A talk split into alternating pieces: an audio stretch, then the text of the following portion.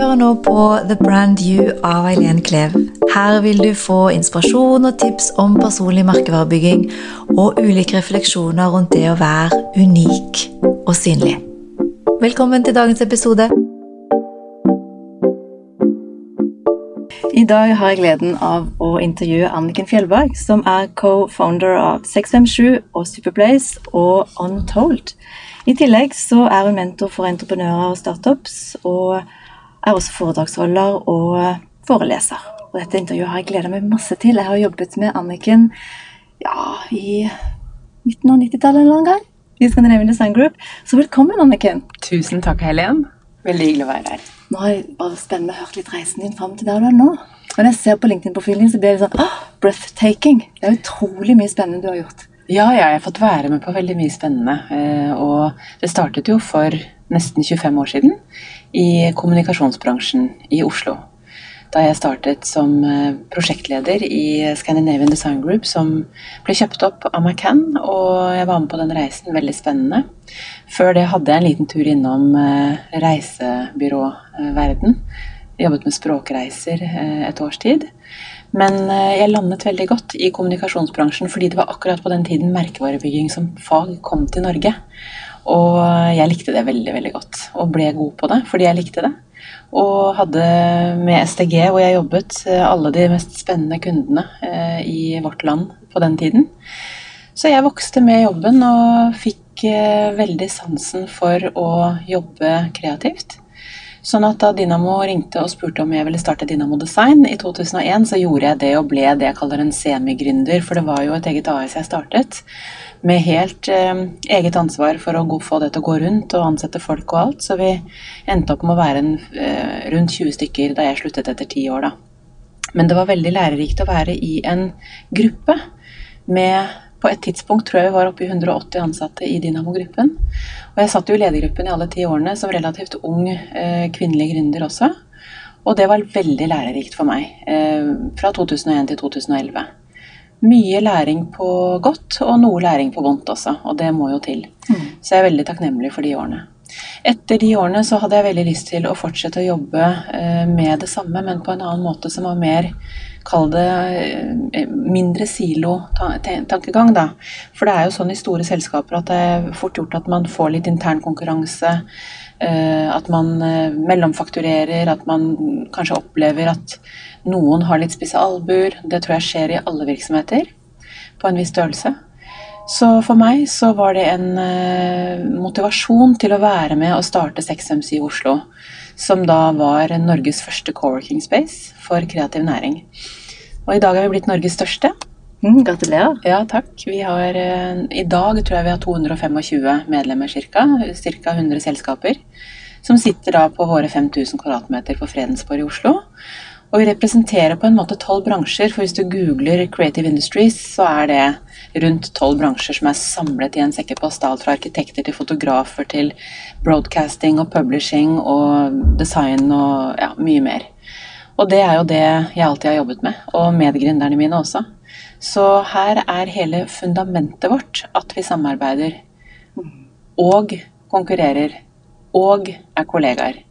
Men de ansatte på 657 jobber utelukkende nesten med å legge til rette for god kultur, samarbeid og et stort mulighetsrom da, mm. for de som er medlemmer her. Og Du er jo også mentor for gründere. Hva er, hva er utfordringen til de? Og hva er det du er best på i forhold til det å være den mentoren for de?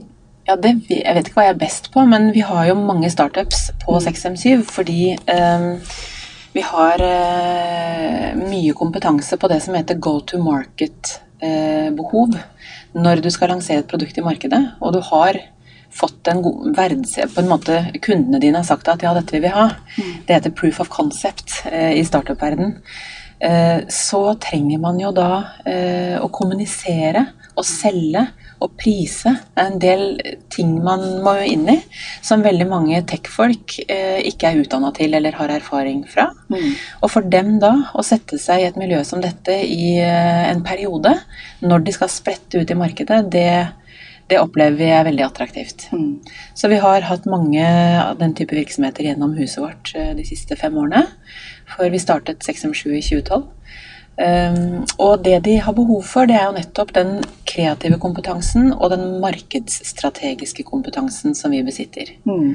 Og da jobber vi jo både med tunge konsern, altså store konsern, corporates, som eh, jobber med innovasjonsprosesser, og vi jobber med startups som har sine mye raskere og, og på en måte mer tidligfase eh, prosesser. Da. Hvordan er merkevare i denne prosessen? Er det en, en, del av den jobben du gjør også i forhold til gründere og firmaer? Ja, alle, alle ja. som en eh, bygger jo merkevarer. Mm. Eh, de som kommer hit, skal jo bygge merker. Eh, og, fra scratch? Ja, fra scratch. Og, og, det er jo forskjell på om det er business to business-merke eller om det er business to consumer. Mm. Men uansett hva de gjør her på huset, så er det med det for øye å bli kjent og likt og elsket for uh, tjenesten sin under en merkevare. Mm. Det er jo helt logisk, fordi når du har en sterk merkevare, så får du enorm synergi og drahjelp av at folk uh, får en emosjonell relasjon til deg. Mm. Og det er uh, ja, ekstremt verdifullt når du har lite penger. Hva er det første du tenker på når du hører ordet personlig merkevare? Nei, altså Personlig merkevare er jo nesten som å si personlig kristen. fordi du kan ikke være du kan ikke være en merkevare uten å være personlig. på en eller annen måte. Du kan ikke være kristen uten å være personlig. Uh, men uh, hvis du mener personlig merkevare så mye at et menneske ønsker å bygge seg selv mm. som merkevare, og ikke et selskap, men altså Eileen mm. Klev, da, uh, så så er klar, det er en veldig spennende ting i dag. Det er veldig mange som gjør det i dag. Jeg vet ikke om alle gjør det så bevisst, at de skjønner at det er det de gjør. Men for oss som er fagfolk, så ser man jo at det er mange som uh, bruker sosiale medier veldig aktivt for å bygge sin profil. Mm. Og, og, merkevarebygging er jo noe man enten gjør bevisst eller ubevisst. Mm. Så det vi gjør her, er jo å hjelpe selskaper å gjøre det bevisst, selvfølgelig. Mm. Ja. Ser du noen forskjeller mellom de som er gründere og skal jobbe med å bygge opp sitt uh, brand i forhold til den kompetanse de har, versus de som skal bygge opp uh, sitt brand i forhold til produkt de har. Mener du tjenester versus produkter? Mm, hvis tjenesten er seg som, som person, at de skal være en rådgiver, eller de har en eller annen kunnskap som de skal spre, og det er på en måte produktet eller servicen, versus de som har et produkt som ja. de kan gjemme seg litt bak eh, i forhold til personlig merkevare. Merker du noen forskjell i forhold til de samtalene du har? Ja, det er klart at det er en forskjell på det. Fordi de som eh, selger seg selv, de er jo helt nødt til å gå ekstremt i takt med egne tjenester og kall det produkter, da, mm. og merkevare. Så når du ikke skiller mellom jeg og selskapet, så er jo det det samme. Og da, hvis du eh, gjør noe dumt da, så vil jo det gå utover selskapet. Dersom du som ansatt i en eh, hardware-leverandør, eller øh, ja mm. Hvis du kan gjemme deg bak, som du sier, da, en produktlinje, så er det ikke så kritisk hva individet gjør i, kort, i det korte perspektivet. Men jeg mener jo det at i det lengre perspektivet så vil det jo være det. Fordi merkevarebygging handler jo om nettopp å være eh, autentisk. Mm. Og gjøre det du sier at du gjør. Walk the talk. Mm. Eh, og dersom du har eh, teammedlemmer da, som, eh, som ikke holder seg innafor den strategien, så vil det på sikt merkes og oppleves mm. av de rundt. Enten det er kundene eller leverandørene eller samarbeidspartnerne eller også kollegaene. Mm. Så hvis jeg skulle ledet en hardware-startup øh, og hadde en øh, gjeng som utviklet selskapet sammen med meg, og en person i den gjengen ikke gikk i takt med målsettingene, så hadde det vært like alvorlig som om en kunde hadde opplevd det. Mm. For det går utover, det får ringvirkninger. Det har med kultur å gjøre også. Mm, ja. Og da er det vel viktig at man er klar over hva det er, og har definert det, sånn at man vet når man er i utakt eller i takt. Så mm. det ikke bare er en hunch, men noe man har definert. Ja, og ofte når man er gründer, så har man en hunch, og man vet hva man vil, men det er ikke alltid at man er flink til å sette ord på det, mm. eller å spissformulere det, eller å kommunisere det, eller heller å lede folk mm. i det. Og det er der vi kommer inn i bildet, da, for de som føler behov for å få hjelp til å fasilitere en prosess. Mm. For å få de tankene ned på papiret, for å få de omsatt i handling. For å få de omsatt i kommunikasjon til målgruppene. Mm. Uh, og noen ganger også for å hjelpe gründerne å krystallisere ut og prioritere hvilke ting eller elementer som er viktigst å legge vekt på. For det er ofte sånn at man har fryktelig mye i hodet på en gang når man er i tidlig fase i gründerlivet. Mm. Og da er det godt å få ryddet. Personlig merkevare Hvis du skulle tenke på en person, hva er det som kommer opp først? Hvilke personer tenker du at de for meg er en tydelig personlig merkevare? Ja, det er så mange at det er nesten umulig å velge en. Men de som syns mest og snakker høyest, det er de vi tenker på først. Og så er det for meg i hvert fall ofte sånn at uh, i Idet jeg begynner å snakke om denne type temaer her, sånn, så kommer det opp mennesker i hodet mitt, så begynner jeg å tenke på de, og så merker jeg at å ja, nei, men det er fordi de var mye i avisen denne uka. Eller fordi jeg så et program på TV i går. Eh, eller lignende. Eller jeg leser en bok om et eller annet. Men hvis jeg begynner å, å tenke lenger på det og dypere på det, så dukker det jo opp ofte mennesker som reflekterer noe av mitt eget verdisett. Det vil si mennesker som jeg kjenner meg igjen i, eller som resonnerer med den jeg er. Og det er jo det som er det spennende med merkevarebygging, at det er en måte å finne gjengen sin på. Community sitt på. Og, og det for å, for å vite hvem det er, så må man jo følge med. Og jeg tror også at man er nødt for å by litt på seg selv. For hvis ikke man gjør det, hvis man gjemmer seg bak noe, eller på en måte er på sosiale medier for som en observatør uten å delta, så vil jo ingen finne deg. Så man må finne en balanse hvor man er komfortabel i deltakelsen. Eh, Det er ikke noe poeng å være til stede bare for å være til stede, man må jo ha noe å melde. Men da vil man mye enklere kunne koble seg på de fellesskapene hvor man hører hjemme.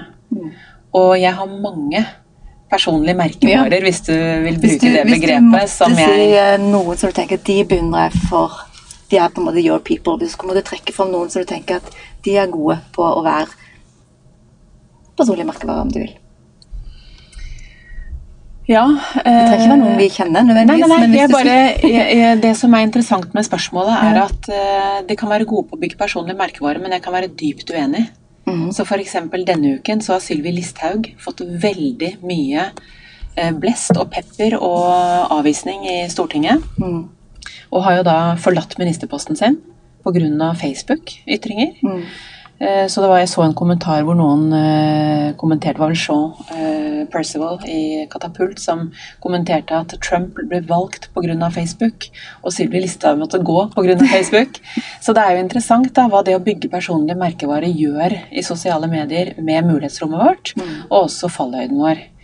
Så eh, nå er ikke jeg på samme politiske side som Sylvi Listhaug, men hvis jeg da går ut av det å være nøytral, så har jo hun vært veldig flink til å bygge sin merkevare til sin målgruppe. For du ser jo nå hvordan Frp har et oppsving etter det som har skjedd. Og dette er noe som folk flest kanskje ikke helt ser rekkevidden av ennå. Eh, Det blir interessant å se hva etterspillet blir, rent merkevaremessig. Og så kan du se i USA, hvor Trump jo har klart å lande i den eh, posten som han sitter på nå, på, på eh, en spesiell måte. Gjennom bruk av sosiale medier og sin egen merkevare. Eh, og så er det noen som nå ønsker at Oprah Winfrey skal stille som presidentkandidat neste gang. Og hun har jo definitivt bygget en merkevare lenge. Hva er det Sylvi Listhaug og Opera Oprah Winfrey og eventuelt Donald Trump har til felles? Det er at de er veldig tydelige på hvem de er. Og så er de det de sier at de er. Og så kan du like det eller hate det. Forhåpentligvis ikke så mye hat, men eh, mislike. Eh, men så lenge du går ut klar og tydelig og sier 'dette er meg', 'dette står jeg for', og du faktisk sier og gjør ting som er i tråd med det, så vil de det resonnerer hos, kjenne seg kobla på deg. Og jo høyere du snakker, og jo mer du gjør, jo lengre når du ut. Så eh, det det jo en, gjenspeiler til syvende og sist, det er jo at vi andre får et overblikk over hvor mange som egentlig er enig med retorikken til Trump. Hvor mange som egentlig er enig med Sylvi Listhaug eller med Oprah Winfrey. Mm. Og det er jo det virkelig interessante her. Ja, veldig. Noen andre begreper som går igjen i personlig og du har jo nevnt eh, spesielt dette med å være autentisk. Um, hva med dette med å være perfekt? Hva tenker du om det? Det er jo ikke nødvendigvis autentisk, for å si det sånn. så jeg tenker mange- jo perfekt fins ikke. Nei. Det må jeg bare si med en gang. Så for meg er det et ikke-ord. Mm. Eh, Du kan godt beskrive, du kan ha det som et adjektiv eh, til en følelse. At 'å, det var en perfekt solnedgang', eller 'å, dette var et perfekt måltid', eller eh, 'det var perfekt at det skjedde akkurat nå', eller sånn. Ordet er jo veldig fint å bruke i visse sammenhenger, men å være perfekt, det mener jeg jo er umulig. Mm. Og et alt for stort, eh, en altfor stor byrde da, for de som bruker det.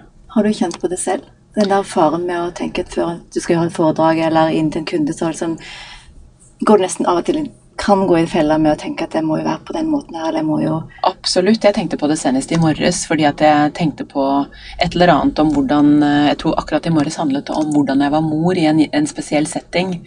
Hvor jeg merket at jeg sammenlignet det som faktisk var virkeligheten for meg i den rollen, med et bilde på noe jeg skulle ønske det var. mm. Som nok ikke er innenfor rekkevidde. Akkurat nå, i hvert fall. Og da tok jeg meg selv og tenkte ok, men det er jo ikke noe vits i. Det, det, det har jo ikke noe for seg, faktisk. Det er mye bedre å like det som er, og tenke på det med en positiv attitude enn å dømme det for noe som ikke er mulig å oppnå. Mm. Så det, det skjer jo daglig sikkert for meg, eh, det å, å skulle sammenligne meg med et uoppnåelig mål. Men du er flink til å sette det i perspektiv, eller? I hvert fall flinkere. Det tror jeg har litt med alder og erfaring å gjøre. Mm. Og trygghet i det. Mm, Men jeg er jo ambisiøs, og jeg ønsker å levere, og helst overlevere også, så ofte jeg kan. Så, så eh, det for meg har ikke noe med å være perfekt å gjøre, fordi perfekt har det, det er noen urealistiske forventninger rundt det ordet. Mm. Men det å være ambisiøs og opptatt av å lage gode lever- leveranser, det mener jeg er helt innafor. Og så er spørsmålet bare om du er realistisk eller ikke. Mm. Mm. Veldig bra. Nå hadde du nettopp et foredrag for over 1000 deltakere på Finansnæringens eh, Hansen. Kjente du noe på det da? Jeg kjente ikke på perfeksjonisme, fordi det eh, eh, Hva skal jeg si? Det, det går ikke an det, altså, ja, det, ikke, det ordet er- resonnerer ikke hos meg. Men det jeg kjente på, det var jo at jeg hadde syv minutter til rådighet foran mennesker som jeg ser på som en utrolig viktig målgruppe. Eh, og jeg var veldig takknemlig for scenetiden, så jeg visste at her skal jeg bruke de syv minuttene på en måte hvor jeg får eh, overlevert informasjon som er relevant og nyttig og godt levert til den målgruppen. Sånn at de er fornøyd med den leveransen. At publikum som satt i salen skulle gå derfra og få noe med seg som var av verdi for dem. Det var kjempeviktig for meg. Og også selvfølgelig arrangøren som hadde invitert meg. Og eh, i tillegg så var det jo viktig for meg også å få levert et budskap som gjorde at jeg fikk talt vår sak fra 6M7 sitt ståsted, og, og det vi mener er viktig å fortelle den målgruppen om. Og på syv minutter så er det en skikkelig Utfordring. utfordring. Så jeg brukte en god del tid på å spisse budskapet mitt og kutte ut eh, eh, sider i den presentasjonen og dra gjennom den et par ganger før selve dagen. Fordi jeg ikke tar lett på sånne ting. Men det, igjen, det handler ikke om perfeksjonisme. Det handler jo bare om at du, hvis du får en mulighet, så skal du jammen meg bruke den bra. Og det gjør du av respekt for de andre og deg selv. Veldig bra. Mm. Hva tenker du om det med å ha en rød tråd? I merkevarebygging Mm. ja, Hvis ikke du har det, så er du ikke en merkevare. Mm. Det er på en måte en sånn eh, Det har med eh, Hva heter det? Ikke kontinuitet, men eh, konsistens å gjøre. Mm. Så en god merkevare er jo konsistent med seg selv. Du kjenner den igjen bakover og forover. Ja. Og noen opplever det med å ha en rød tråd, eller den argumentet som jeg av og til får i forhold til rød tråd når det gjelder personlige merkevarer, er jo at men da blir jeg satt inn i en boks. Det har jeg ikke mulighet til å utvikle meg. Hva tenker du om det? Ja, jeg tenker to ting om det. For det første så er det du sier riktig. Eh, Det er mye lurere å være lineær i sin egen utvikling med tanke på å bygge merkevare.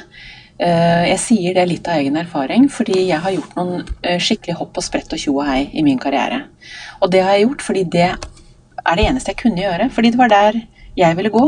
Så min røde tråd er jo skifter. Og da er det en rød tråd. Så sånn sett så kan jeg også si meg uenig i at det er nødvendig. Men erfaringen min er at jeg ser på de som er like som meg, altså de som gikk ut fra skolen samtidig som meg på tidlig 90-tall, de som har vært lineære i sine karrierer, de forstås jo enklere og bedre av omgivelsene sine. Mens jeg som har hoppet og sprettet, eh, jeg, det er større forvirring om hva jeg driver med. Og så kan det være at øh, ulempene jeg opplever da, med å ha gjort sånne store byks, det blir oppveiet av mulighetene. Og det kan være at det samme gjelder de andre. At mulighetene de har fått, oppveier ulempene. Og min egen, hvis jeg skal uh, tenke jeg Hvorfor jeg har gjort det jeg har gjort, så er det jo fordi jeg, har, jeg, har, jeg, er veldig vitebegjærlig. Jeg har veldig lyst til å utforske nye ting. Jeg har lyst til å bruke det jeg har lært til å forandre på ting og sånn. Og da blir man jo nødvendigvis en som går til den andre ytterligpunktet. Um, og det gjør at jeg sannsynligvis ville vært ulykkelig hadde jeg hatt en lineær karriere.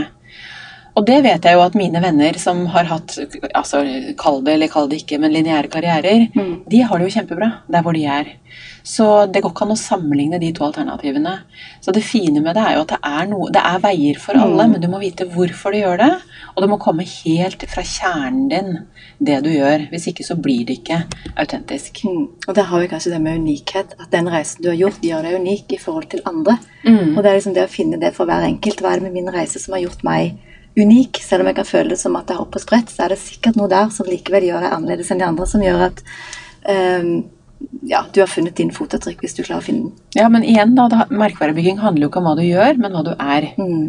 Det du gjør, er bare en konsekvens av det du er. Mm. Og Hvis du er en person som forandrer retning og skifter på deg og utvikler deg, ja, så vil du få nye øh, Hva heter det? Communities. Mm. Altså fellesskap i, eh, på hele reisen din, men det kan være at fellesskapet ditt endrer seg flere ganger. Sånn som for meg, som begynte i reiseliv, der rakk jeg ikke å få meg noe fellesskap, egentlig. Men i designbransjen så fikk jeg jo et fellesskap, og så ble det kommunikasjonsbransjen.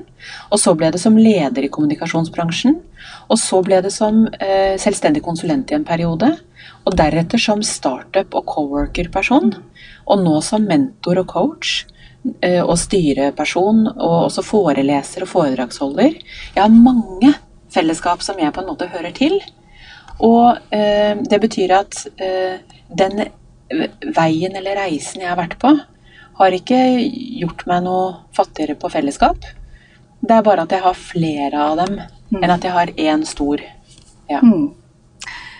Dette med å være synlig. Um, du jobber jo mye med kvinner også, har jeg skjønt? Og mange kvinner har litt mer problemer med å ta de utfordringene ofte da, med å være synlig, stå på scenen, by på seg selv, enn kanskje mange menn. Jeg vet ikke om du har samme erfaring? Det tror jeg er veldig i ferd med å endre seg nå. nå jeg, men igjen, ulempen med sosiale medier er at vi blir jo eksponert for, for sånne som oss selv, og det vi mener selv. Så i mitt sosiale mediebilde så ser jeg mange flere kvinner som er ute og eksponerer seg enn menn. Mm. Så det er mulig at jeg allerede har skifta. Men hvis du ser på gamle strukturer i konservative bransjer eh, av, altså utenfor sosiale medier, eh, typ i pressen, i eh, maktposisjoner i næringslivet, eh, og da mener jeg ikke politikken, for det er annerledes med næringslivet i um, forskjellige typer strukturer som er mer rigide da, og tar lengre tid å endre, mm. der er ikke det skiftet kommet helt ennå. Så der er det en jobb å gjøre fremdeles. Mm. Jeg tror noe av det handler om, som Erna Solberg sa på en scene 8. mars uh, hvor jeg var I utlandet så er næringslivet flinkere til å alltid sørge for at det står to stykker bak enhver nøkkelperson i en stor virksomhet. Én mann og én kvinne, og begge er like rustet til å ta over den viktige posisjonen når det mennesket som har posisjonen, slutter. Mm. Så da har du en sunn konkurranse om stillingen. Sånn opplever hun ikke at det er i Norge ennå. Og det er en sånn viktig øyeåpner i forhold til at man må faktisk jobbe med uh, utvikling av ansatte internt i virksomheter for å sørge for at, at talentpoolen er klar når stillingen skal besittes. Mm. Uh, en, det, så det handler om at næringslivet må legge til rette for. Det andre handler om at f.eks. maktstrukturen i Norge er vel sånn at det er ca. 20 kvinner som eier selskapene på Oslo Børs. 80% menn. Og av de 20% kvinnene så er det veldig mange arvinger eh, i familieformuer. Eh, og de er heldigvis på full fart inn med foss om baugen til å bli aktive eiere også. Men det har ikke alltid vært sånn. Eh, så en av mine si, lidenskapssaker har vært å få flere kvinner til å forstå at det er mulig for dem å spare gjennom å investere. Eh, at de kan jobbe seg opp en god pensjon gjennom nettopp å investere i ulike typer tiltak. For det er mange, altså Menn og gutter blir flasket opp på at de får fond f.eks. til konfirmasjon, der hvor jenter får bunad uh, og osv. Det er mange eksempler gjennom livet på det hvor vi tenker forskjellig mm. om jenter og gutter. Så det å få flere kvinner til å velge å investere, for det er jo ikke noe du kan kvotere inn, det må vi kvinner gjøre mm. selv, det brenner jeg veldig for å kommunisere på. Mm. Og jeg opplever at du har blitt mer og mer synlig, har mer og mer sterk stemme eh, ute. Den reisen fra måte være ny og komme til å bli så sterk og tydelig som du er i dag, som jeg opplever at du er i dag, har, hva, hva, har liksom vært ting som vi kan lære av, eller andre kan lære av i forhold til det å være synlig? Ta plass. Har du alltid hatt det sånn? Har det alltid gått lett for deg? Uh, nei, det har vel egentlig ikke det, selv om det kanskje har virket sånn utenfra. Men uh, jeg er jo ikke privat i sosiale medier, f.eks. Uh, og jeg sier Hvis jeg poster noe, så er det fordi jeg har et brennende ønske om å kommunisere akkurat det. det er veldig sjelden jeg bare reposter ting uten å kommentere på hvorfor jeg gjør det. og jeg merker de få gangene jeg gjør det, at det, det er mye mindre relevant for de som følger meg. Så for meg så startet jo det med at jeg hadde noen ting jeg brant for. 6M7 har jo handlet om samarbeid. Mm. Hvor viktig det er å samarbeide for å løfte noe felles. Istedenfor å konkurrere. Konkurranse er kjempeviktig og bra. For det gjør at man skjerper seg, og at alle blir litt bedre. Og det er viktig også for tilbudet og mm. kvaliteten på det. Men når man skal løfte staur da, som nasjon eller som bransje, så tror jeg at eh, det å huske på hva som er vårt felles beste, noen ganger er like viktig som hva som er individets eller mm. det individuelle selskapet mm. sitt beste. Mm. Så det har vært viktig, et viktig budskap for meg i oppbyggingen av 657. Og det har jeg snakket ganske mye om, for det kommer veldig fra, fra hvem jeg er. Da er det lett å snakke om det. Det er lett å tørre å stå frem og mene noe. Men i utgangspunktet så hvis, eh, Jeg går aldri på en scene uten at jeg har noe å melde på den scenen. Det, mm. det ligger ikke helt for, for, meg. Så den tydeligheten med å ha noe du brenner for, å finne den, så blir det enklere å være synlig, enklere å ta plass? Ja, for meg er det sånn, mm. og det er sånn det er å bygge merkevare også, mm. spør du meg. Hvis du har en kjerne som du er og brenner for, og du tør å ta den plassen og kommunisere det, da har du en kjempemulighet i det samfunnet vi lever i i dag, til å nå ut til mange. Mm. Men igjen, da, så må vi jo huske på at du og jeg kjenner hverandre, vi er i samme nettverk, og vi har jo mange sirkler i nettverkene våre som møtes også. Mm. Sånn at når vi gjør tester på 6M7 sine eh, poster, når vi har boostet og f.eks. skal ha arrangementer og sånn, så ser vi at vi veldig fort når ut til 10 000-20 000 mennesker, faktisk, eh, gjennom sosiale medier. Uh, og så er det mer eller mindre bevisste. altså Det er jo ikke sånn at 10 000 mennesker sitter og fordyper seg. Det er jo eksponeringer vi snakker om, men likevel. Det uh, vi må huske på, er at det er likevel i våre sirkler. Sånn at hvis du spør en person i en annen geografisk lokasjon, i en annen bransje, uh, om hva 657 er, eller hvem Anniken Fjellberg er, så vil jo ikke den personen ane det. Så det, det blir litt hype også. Vi må huske at dette her er sånne, det er lukkede miljøer, mm. egentlig. Men det er så, det viktigste, at du er kjent i det miljøet som er viktig for deg. Det er de som er viktig for deg. Det er helt mm. sant. Så du markedsfører det. det litt sånn preaching to the choir, da. Mm. Så hvis man er ute etter å få helt nye kundegrupper, eller å eh, kalle det påvirke noen som ikke er i dine sirkler, så er man nødt for å gjøre det på andre måter mm. enn i sosiale medier. Eller du må bruke sosiale medier på en annen måte. Hva kunne man gjort da? Si at du var en person som vil inn i um, i en industri eller i en uh... Ta Sylvi Listhaug-saken, da. Ja, okay. Siden vi snakket om ja. den i stad, for det har jeg tenkt ganske mye på. Ja. Uh, Resett, uh, som uh, drives bl.a. av Helge Lurås, de har jo vært veldig sterke på banen nå i å få opp saker som de mener er viktige og riktige. Uh, igjen så er jo ikke det min politikk og mitt perspektiv de reflekterer, men som kommunikatør så syns jeg det er interessant å se de tingene som skjer i samfunnet vårt nå. Mm. Og jeg blir så provosert noen ganger av uh, de mediene, plattformene og menneskene som, som, har det jeg noen ganger mener er veldig ekstreme synspunkt på saker hvor jeg har et helt annet syn. Da er det veldig fristende for meg og kutte ut de av mitt nettverk, så jeg slipper å bli eksponert for den på en måte de postene og de hatkommentarene Mm. på det. Mm. Det er typisk noe som jeg da ikke gjør. Jeg fortsetter å følge de menneskene fordi jeg ønsker å forstå hva som skjer i andre sirkler enn mine egne. Mm. Det er et veldig veldig enkelt grep. da. Mm. Du må bare eksponere deg for ubehaget med å bli eksponert for noe du ikke står for selv. Ja. Du, du kan ikke vinne verden ved å bare gjøre det. Skal du ut og virkelig eh, få et nytt choir, så må du ja, da må du gjøre en, en reise mentalt og noen ganger også fysisk. Besøke folk. Men også eh, si, sosialt på sosiale medier. Eh, og det handler om hvordan du formidler budskapet ditt også. Det er jo Mm. forskjellige målgrupper. Mm. Så det er jo en enkel måte. da. Hvis du skal ut av din egen boble, så må du ha access til andre bobler. Veldig bra. veldig bra. Du, hvis du skulle gitt noen råd til slutt i forhold til eh, andre som nå er i sin prosess med å bygge sin personlige merkevare, enten de er gründere eller de er på jakt etter drømmejobben, hva vil du liksom oppsummere med og si at det vil jeg i hvert fall de skal ta ut av dette intervjuet her, eller det vil jeg de skal huske?